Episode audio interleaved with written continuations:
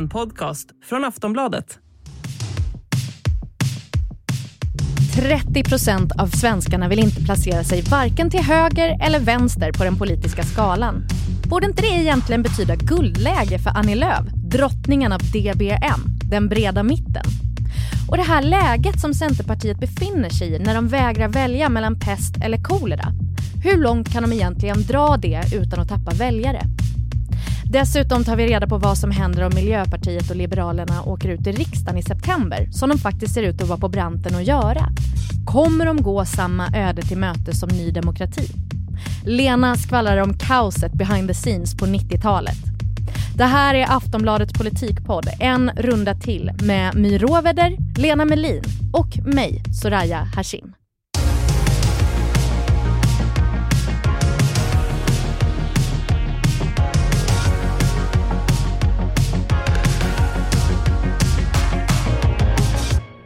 Lena, varmt välkomna tillbaka. Tack. Tack.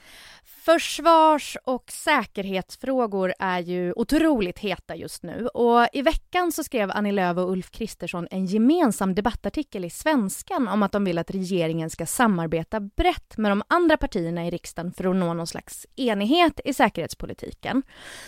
Jag läste den här och tittar framförallt på bilden och hört lite på snacket och så undrar jag, tror ni att Magdalena Andersson känner sig lite bedragen av Annie? Alltså nu när hon går ut och visar sig så, så liksom offentligt på stan med Ulf Kristersson. Ja men de har väl ett öppet förhållande. Tror du det? The deal is open. Helt och hållet. Tror inte du att, att Magdalena känner att Annie är lite infidel? Det tror jag. Du tror det? Ja. Om jag var Magdalena Andersson så skulle jag ändå på något sätt tänka att Annie Lööf ingår i mitt stall. Mm. Kanske inte den närmaste hästboxen, men en box en bit bort. Och, eh, och, eh, och då plötsligt så kanske hon hoppar över till ett annat stall och är med i boxen långt bort där också. Ja, för vi räknade väl lite med att hon skulle ändå putta fram Magdalena lite. Ja, och framförallt så tänkte man att, äh, att Annie Lööf som har gjort en sån poäng av att äh, hon är emot Sverigedemokraterna eller allt, allt inflytande för Sverigedemokraterna, att hon därmed har tagit ett sånt avstånd från Ulf Kristersson som ju var det, det parti som trots allt gick i bräschen för att öppna upp för samarbete med Sverigedemokraterna. Mm. Det var i och för sig före hans tid, men i alla fall. För eh, jag tänker apropå det här med, med att samarbeta och samarbeta brett. Det här har vi hört från Annie Lööfs mun många gånger förr. Eh, den breda mitten har ju varit i princip hennes mantra de senaste åren. Hennes, hennes sten. Hennes, det är hennes sten som hon ska vända på. Men så fick jag liksom som en bild framför mig av att Annie Lööf står i mitten på ett dansgolv och har velat så länge om vem hon ska dansa tryckare med att alla andra har redan parat ihop sig och nu står hon där alldeles ensam i mitten och Brian Adams “Everything I do, I do it for you” är redan på sista refrängen. Hur skulle ni beskriva Centerns tillstånd? Alltså det man kan säga om man tittar på opinionssiffrorna det är ju att eh, piken har eh, passerats. Mm. Det, det, var i slutet av våren förra året, då hade de opinionssiffror som låg liksom uppåt 11-12 procent. Och nu är de ju nere i våra mätningar på, ligger de strax under sitt valresultat som var på 8,6 procent. Det är inte jättemycket under, de låg 8,3 i den senaste mätningen. Så bara det är ju eh, säger ju att tillståndet inte är lika bra som det var för ett och ett halvt år sedan luften börjar försvinna från under deras vingar, eller? Fast samtidigt, Centerpartiets USP på ett sätt är ju att alltid vara lite självförhärligande och alltid på gott humör. Alltid redo för en härlig fika. Är de politikens scouter? Det är kanske, ja det är nog ett bra uttryck. Nej men alltså lite sådär att eh, även när det inte går lika bra så är de ändå goa och glada. Men eh, det, läget har ju liksom blivit mer oklart för Centern sen eh, januari, januariavtalet föll då i, i somras. För då, innan dess så hade de ju en position av att vara ett samarbetsparti med regeringen och, eh, och de hade också sett till att det här avtalet innehöll en massa, massa politik som de ville ha genomförd och som skulle genomföras. Mm. Nu har det här då samarbetet igen efter Liberalernas avhopp eh, försvunnit. Det har gått upp i atomer och något nytt har ju inte, har ju inte eh, uppstått ur askan och det betyder att Centerns inflytande över svensk politik har minskat. Ja, men för jag, rätta mig om jag har fel nu, men, men det var ju ändå liksom, Annie Lööf var ju skolbalens drottning lite grann där nu under de här senaste statsministeromröstningarna när, när det handlade om så här, skulle hon släppa fram, skulle hon inte? Hon var ju så himla mycket i fokus, men nu, nu har hon ju släppt fram Magdalena Andersson och nu står hon där, vad ska hon göra nu? Alltså, hen, jag tänker att, att liksom, hon har varit jättestor stjärna, men är inte det riktigt just nu, eller? Nej, och dessutom kommer ju, om man ser det här ur Centerns perspektiv, så kommer ju det här, eh, alltså att det här avtalet sprack väldigt olyckligt, därför att samtidigt håller ju nu på folk på, eller partierna på och så att säga lite frigörelse från varandra för att driva valrörelse. Och då finns ju inte något intresse för någon annan heller att, att göra upp med Annie Lööf på samma sätt som, som eh, det kanske hade funnits om vi var längre tillbaka i, i valperioden. Nej, för jag såg det att SOM-institutet hade släppt en rapport som visade att 30 procent av svenskarna varken placerar sig till höger eller vänster på skalan. Och då tänker jag att, att det borde ju betyda att Centerpartiet skulle kunna fylla ett ganska efterfrågat tomrum och belönas av väljarna, just eftersom de säger att de vill vara i mitten. Men det är inte det som händer. Ja, men samtidigt är det ju så här att man blir belönad av väljare av tydlighet och där har det ju nu, där är ju Centerpartiet ett av de få partier där det inte är helt tydligt vad de vill. De har inte tagit ställning, även om de själva säger att det är liksom en styrka för dem att inte ta ställning, att de finns i den här breda mitten. Mm. Så är det någonting som väljare tycker är svårt, att inte veta exakt vad man får om man röstar på ett parti. Men det finns ju både fördelar och nackdelar med att vara den där personen i mitten när man går in i en valrörelse. Absolut. Men... men och Annie Lööf har ju också försökt profilera sig lite, eller jag uppfattar det i alla fall så, som liksom förnuftets röst i svensk politik. Mm. En, en liten typ svensk Angela Merkel. Men det är ju svårt om man inte uppfattas som superintressant, för då är det ingen som lyssnar på förnuftets röst. Men, men vad tycker Centerpartisterna själva om deras läge nu? Men centerpartister då skulle ju inte vara centerpartister om de inte var ganska nöjda med sig själva. Men skämt åsido då, den här, alltså den här mittenpositionen är ju ändå, det var en centerpartist jag pratade med som beskrev det som sin comfort zone. Alltså det är ju en position som man har befunnit sig i under lång tid mm. Eh, och det är också förankrat i partiet på det sättet att man styr ju i Sveriges kommuner och regioner, alltså lokalt i mittenposition, alltså man samarbetar åt alla hållen i olika styren. Så att man har ju liksom en förankring i partiet och en upplevelse av att vara i mitten fungerar. Eh, och det var någon annan som jag pratade med som gav den finaste komplimangen till Annie Lööf tror jag, som jag som en centerpartist eller politiker kan ge, som sa så här, men Annie hon är som en kommunpolitiker. Eh, alltså hon löser problemen, hon står i mitten, när man har ett resultat så tar man tag i det så löser man problemet och man kan göra det mm. liksom, brett. Men, men... Som eh, vanlig människa kanske inte det här låter som den finaste komplimangen, men jag måste säga att det är ju det då. Mm. Eh, och att man liksom i grunden i det här tycker att man liksom har rätt att stå där i mitten. Sen är det klart att det finns ju små orosmoln också i den här positionen. Och det är ju egentligen att vad ska hända med Ulf Kristersson och Jimmy Åkesson? Alltså hur stora blir de olika partierna? Hur ser den maktbalansen ut? Det skulle ju vara mycket lättare för Centerpartiet om Ulf Kristersson och Ebba Busch bildade en regering, Jimmy Åkesson var ganska svag och kanske stötte den, eller stödde den regeringen på lite avstånd, mm. då kanske det hade funnits en större möjlighet för dem att också samarbeta då och då och låta Ulf Kristersson bli statsminister. Så, Så frågan är ju nu, hur stor blir, hur stora blir Sverigedemokraterna om de blir det största partiet, om de får jättemycket inflytande, då blir det svårare för Centern också efter nästa val. Men så det jag hör dig säga är att så här, det är inte som ni har beskrivit eh, Liberalerna, att det finns liksom mycket interna konflikter om vilken väg de ska ta så, utan Centerpartisterna nej, står nej, bakom Annie och det här. De är motsatsen och finns det interna konflikter så är det väldigt sällan som det kommer ut. Alltså det är ju verkligen så här, det är inte så att politiska journalister inte kämpar med att försöka hitta konflikter inom Centern, mm. men det är väldigt, väldigt svårt. Det är ett ganska Men det, mm, det beror ju delvis på den här nästan så att säga, inbyggda pragmatismen i Centerpartiet. De är intresserade av att lösa problem. Scouter, jag säger det. Ja, men jag tyckte det var väldigt bra. Det är som min tvååring som säger så här, Mm. alltid redo. ja, exakt. Är du redo? Alltid redo. Förra veckan hade de ju den här partiledardebatten i riksdagen, eh, även kallad för superspridareventet. Och jag noterade att Annie Lööf pratade inte jättemycket sakpolitik, utan hon målade ju mer med de här breda penslarna om demokrati och värderingar istället. Varför tror ni hon gjorde det?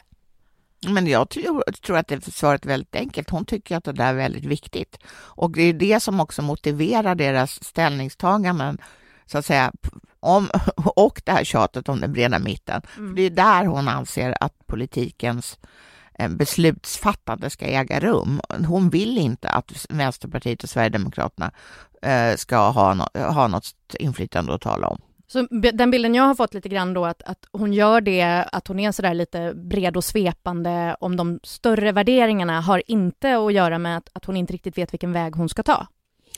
Ja, det, tr- det tror jag absolut. Hon vill ju ha den breda mitten. Hon, det är ju absolut hennes väg. Och det, i den breda mitten ingår sex partier av de åtta som finns i riksdagen. Alltså från Moderaterna till och med Socialdemokraterna, om man ser det från höger till vänster. Alltså nu så håller ju partierna också nu, om det är någon som inte har märkt det, vi har ju gått in i en valrörelse nu här. Nej men, No shit. ja men nu håller ju på, partierna på att måla upp sina liksom konfliktlinjer och det här, vem är deras huvudfiende? Mm. Och för Centerpartiet så är det ju då inte särskilt mycket, det är ju inga sakpolitiska strider utan det är ju liksom ideologiska strider som är som de går in med mot, och framförallt då mot Sverigedemokraterna. Det kommer vara deras huvudfiende i den här valrörelsen. Så att det är ju därför, det är ju mot Sverigedemokraterna hon, hon markerar, hon pratar om, när hon pratar om demokratiska värden. Det landar ju alltid i att de har en bristande demokratisk reflex och att Centerpartiet står för någonting annat. Så på det sättet, jag håller med Lena att det är, det är liksom, det är ju deras väg. Mm. Ja, och det är också väldigt viktigt för henne att göra klart det här för Centerpartiets väljare. Varför hon så att säga inte, eller de, Centerpartiet, inte vill eh, stödja Ulf Kristersson som, som statsministerkandidat, som ju bara i förra valet var fullständigt självklart. Men nu, då- nu är det inte så. Nej men Alls. precis, för jag tänker att nu kommer vi ju ändå tillbaka till den här grejen där vi har stått väldigt länge nu känns det som att hon står mellan, i den här rävsaxen mellan Sverigedemokraterna och Vänsterpartiet, alltså Ulf Kristersson eller Magdalena Andersson och där, där står hon ju ganska still just nu men vi är ju i elfte timmen, det är valår, hon måste ta vägen någonstans eh, sen liksom innan, eller hon måste ju lova någonting till väljarna tänker jag, alltså vart ska hon ta vägen? Jag tror inte att hon tycker att hon står still på ett problematiskt sätt eller att Centerpartiet gör det.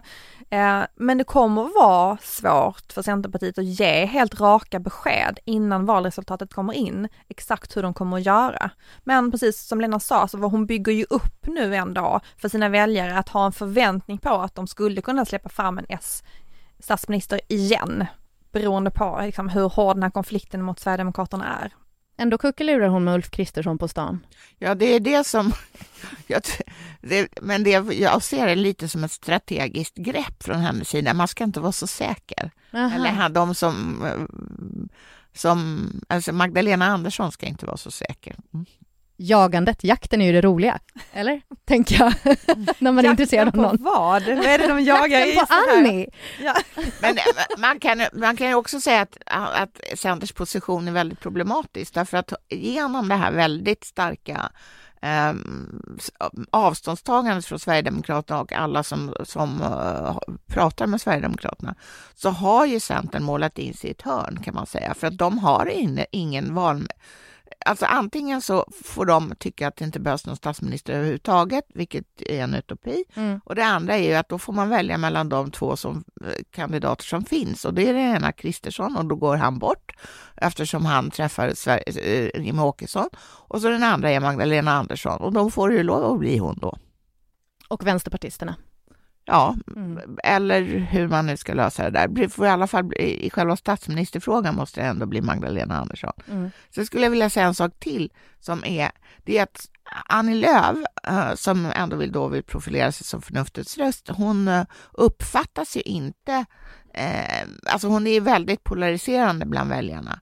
Det är en, två tredjedelar nästan tycker jag har, har inget förtroende för henne. Det är ju fantastiskt många, eller ot, fantastiskt fel ord i sammanhanget, otroligt många. Mm. Mm, och sen medan det är 23 procent som har stort eller mycket stort förtroende för henne. Och det är alltså mångdubbelt färre. Mm. Ja, för du sa häromdagen Mia att, att hon väcker starkare känslor än Sverigedemokraterna. Ja, det är otroligt. Det är otroligt mycket känslor. Alltså, Vad är det för känslor? För jag ja. tänker scouter är ju inte, det är ju inte som man liksom hoppar i taket av starka känslor. Eh, nej men jag tror att det handlar om liksom kontrollen, att det är så här att hon på ett sätt har kunnat välja nu vem som har blivit statsminister och att mm. den ena sidan är besvikna för att hon gjort det ena valet och den andra sidan är, eh, och sen så är det tvärtom liksom. Och att man tycker att hon har för mycket inflytande.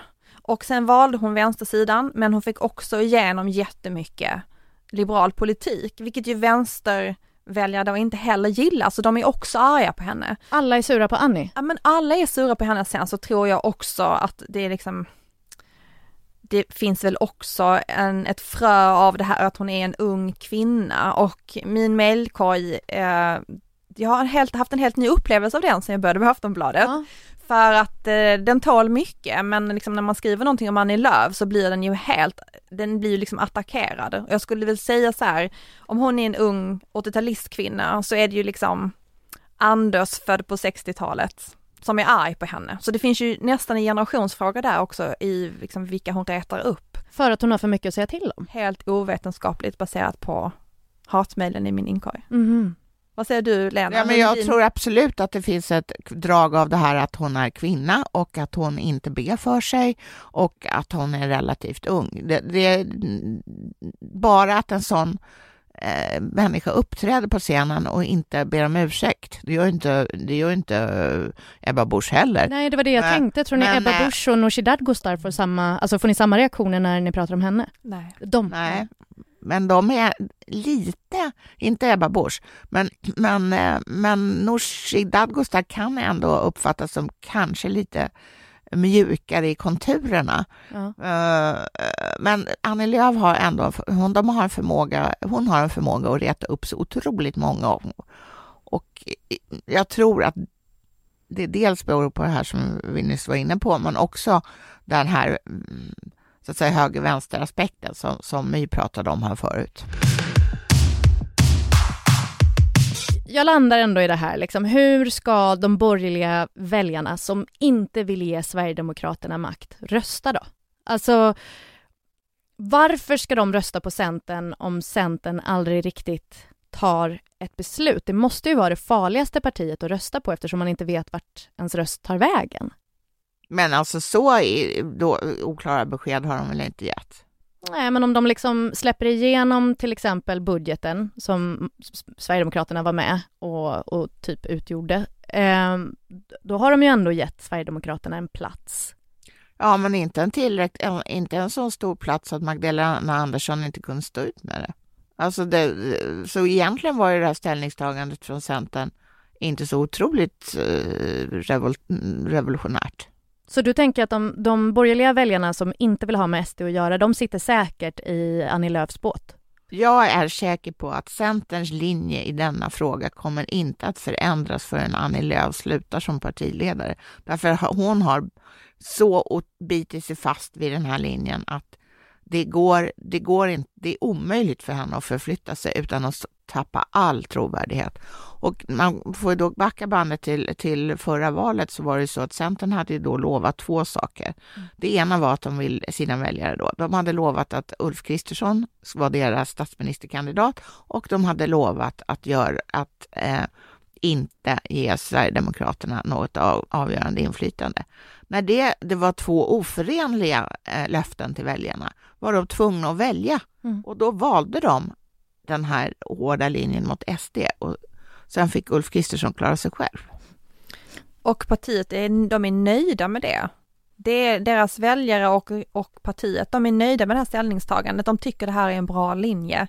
Och deras väljare har ju också ändrat sig under den här tiden. De har ju blivit mycket mer vänligt inställda till Socialdemokraterna. Det har ju verkligen varit ett tydligt skifte där från att liksom ha sett Ulf Kristersson som den tydliga statsministerkandidaten till att tycka att det är helt okej att det är en socialdemokrat. Mm. Så att partiet i sig eh, vacklar ju inte i vad man tycker. Det finns liksom inte de här inre konflikterna. De är som sagt inte Liberalerna.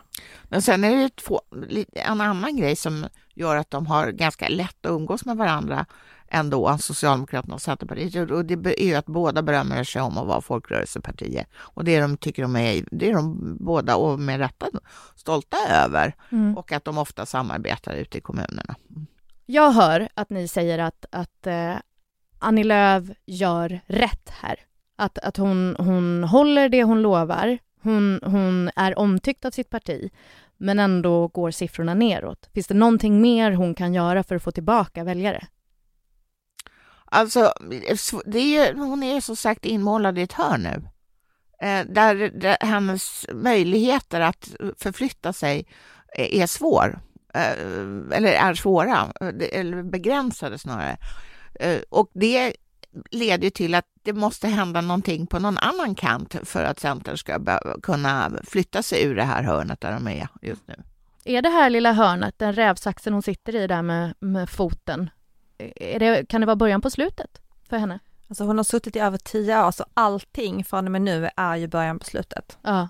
Det är ju lång tid, även om de har traditioner av att kunna ha partiledare som sitter väldigt, väldigt länge, så är det ju, tillhör det ju den gamla tiden. Tio år är lång tid för en partiledare att sitta. Har vi med henne i nästa valrörelse också, tror ni? Jag tror inte det. Nej, Visserligen är hon fortfarande ung, men som sagt, hon har uh, varit partiledare i, i, uh, när valet äger rum, kommer hon ha varit partiledare i elva år. Mm. Hon har under tiden varit också näringsminister, uh, inte bara partiledare, och hon har fött två barn. Alltså det finns en måtta på hur mycket man kan utsätta sig för, höll jag på att säga. Alltså, jag kanske kan vilja göra något annat helt enkelt.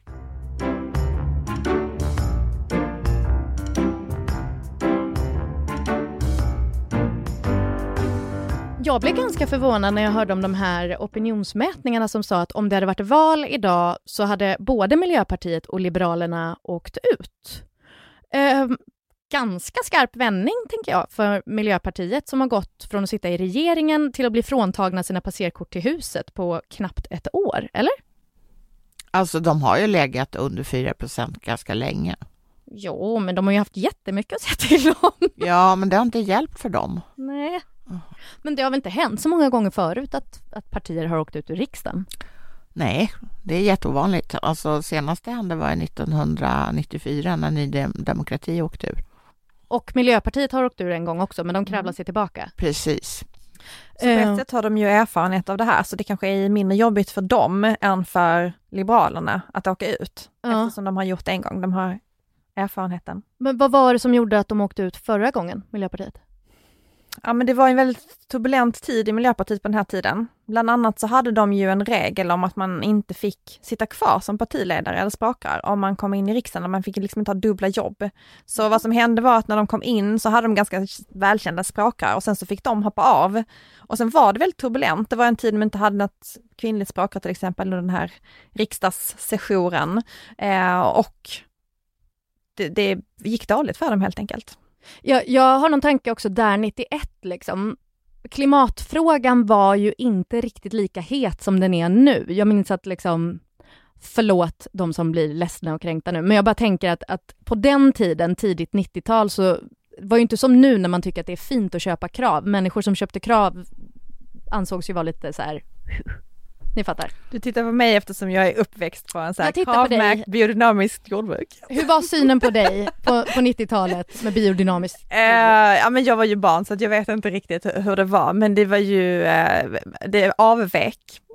Det avvek, ja men precis. precis. Men alltså det var, det var ju lite så att de och till och med själva tyckte det var lite konstigt och lite jag kommer ihåg en, en kongress som de hade i Karlskoga precis innan valet 88. Mm då när de kom in och sen åkte ut i påföljande val, så hade de så här äh, rårisrätter i en skolmatsal. Det var det, det var det som serverades på den där kongressen. Det var långt innan det var trendigt med råris. Ja, det var nog ganska trendigt i vissa kretsar, men det var ju också väldigt tråkigt om man inte hade piffat till det där råriset. Men då ville jag göra en intervju med Birger Schlaug och, och föreslog helt enkelt att vi skulle gå på en Kina-restaurang inne i Karlskoga varpå han lyste upp och hade nog kunnat ge mig nästan vad som helst för att slippa det där råriset. Men när de åkte ur då, ja. 91, så hade de 3,4 i, i eh, valet. Och vad ligger de på i våra mätningar nu? 3,4. Nej. Men, men eh, säg då att Miljöpartiet åker ut i september. Kommer de försöka kravla sig tillbaka till valet 2026 eller kommer de ta tillfället i akt att liksom vika in sina små tassar och ge upp? Ja, men jag tror för ett parti som Miljöpartiet som ändå har någon slags aktivistisk bas att gå tillbaka till så kommer ju en dag den här kämpaglöden att finnas kvar. Jag tror att det är större risk för Liberalerna, för en sak som, för det har ju inte Liberalerna på det sättet och sen en annan sak som de båda delar som också gör det svårare, det är att inget av de här partierna har särskilt eh, mycket, liksom, de är liksom inte invalda i andra, på andra platser, alltså de sitter inte i särskilt många kommuner eller regioner. Mm. Så de har liksom inte den basen. Det betyder att det blir min, jättemycket mindre pengar till exempel till partiet för att man inte får in pengar någonstans ifrån. Och det också finns ingen plantskola för nya politiker. Alltså fyra år, på den här tiden var ju mandatperioden bara tre år. Alltså fyra år är ju lång tid att politiker måste hitta andra jobb, alltså det blir väldigt slimmat i ett parti när man åker ut. Så att jag menar det finns ju rätt stora risker ändå, men där har Miljöpartiet ett försprång. Ja, för om vi går in på Liberalerna, det känns väl som en längre väg för dem att kravla sig tillbaka till 2026? Ska, om de alltså åker det är så här, just i Stockholm där vi befinner oss just nu, så är det ju både är ganska bra, en ganska bra region för, för både Liberalerna och Miljöpartiet. De har ganska höga mm, siffror helt enkelt här, eller relativt bra valresultat. Man kan ju tänka sig att Liberalerna faktiskt spricker i de här två delarna som, det tycks, som de tycks befinna sig i just nu, att det är två mm, falanger och då kommer den här Stockholmsfalangen kunna bedriva valrörelse här i, i, i området där de ändå har ett ganska hyggligt stöd. Vadå, du tänker att de blir två olika partier? Mm. Jaha, det har de ju också gjort förut. Mm. Just det, men vad ska de heta då? Är det Folkpartiet och Liberalerna då, eller vad händer? Ja, det, det, har jag inte funderat över vad de ska kalla sig, men jag tror inte att det är helt orimligt att tänka sig att om partiet åker ur riksdagen, att det återuppstår som regionalt, ett regionalt parti eller flera. Man kan tänka sig ett Göteborg där det också går ganska bra. Just det. För Intressant. Liberalerna. Ja, verkligen. Spännande. Men eh, vi måste prata lite om Ny Demokrati.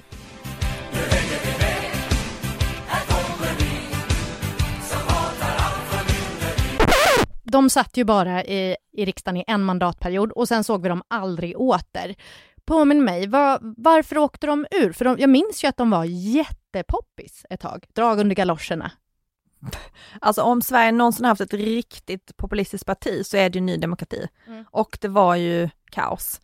Alltså att lyssna på gamla valmöten från den här tiden, det är ju kanske en av de bästa fredagsunderhållningarna.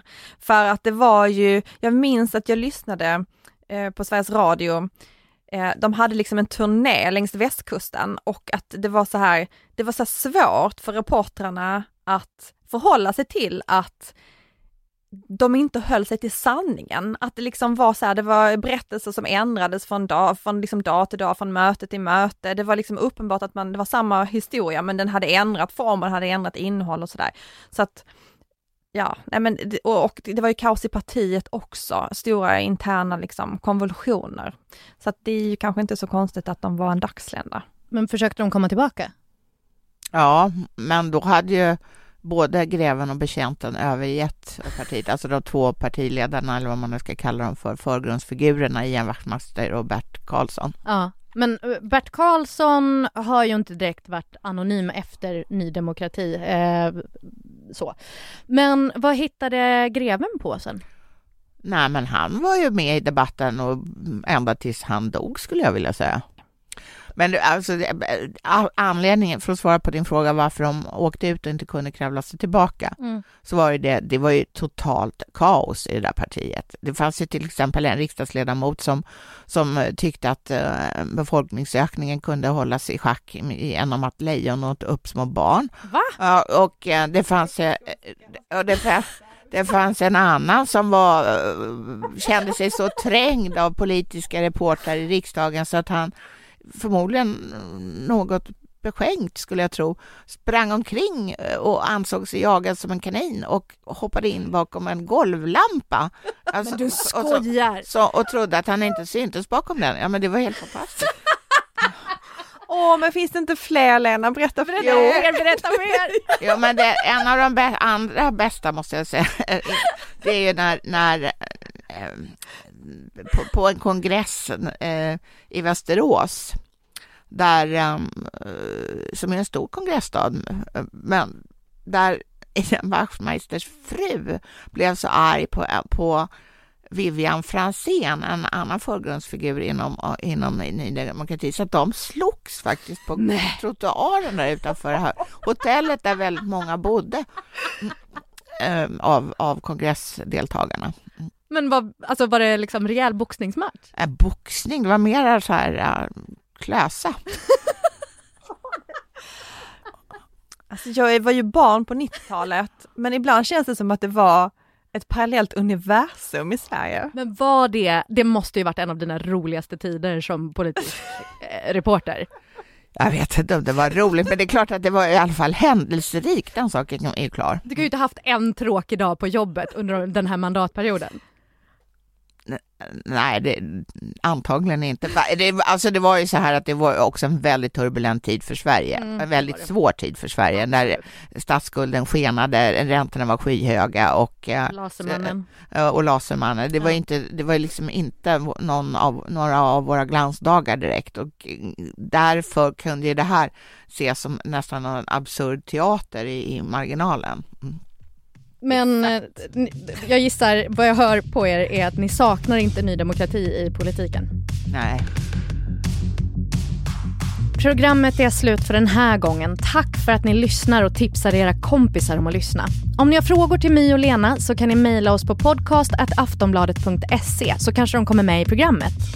Vi som har gjort det här avsnittet är producent Olivia Svensson, experter My Råväder och Lena Melin och jag heter Soraya Hashim. Vi hörs nästa vecka. Hej!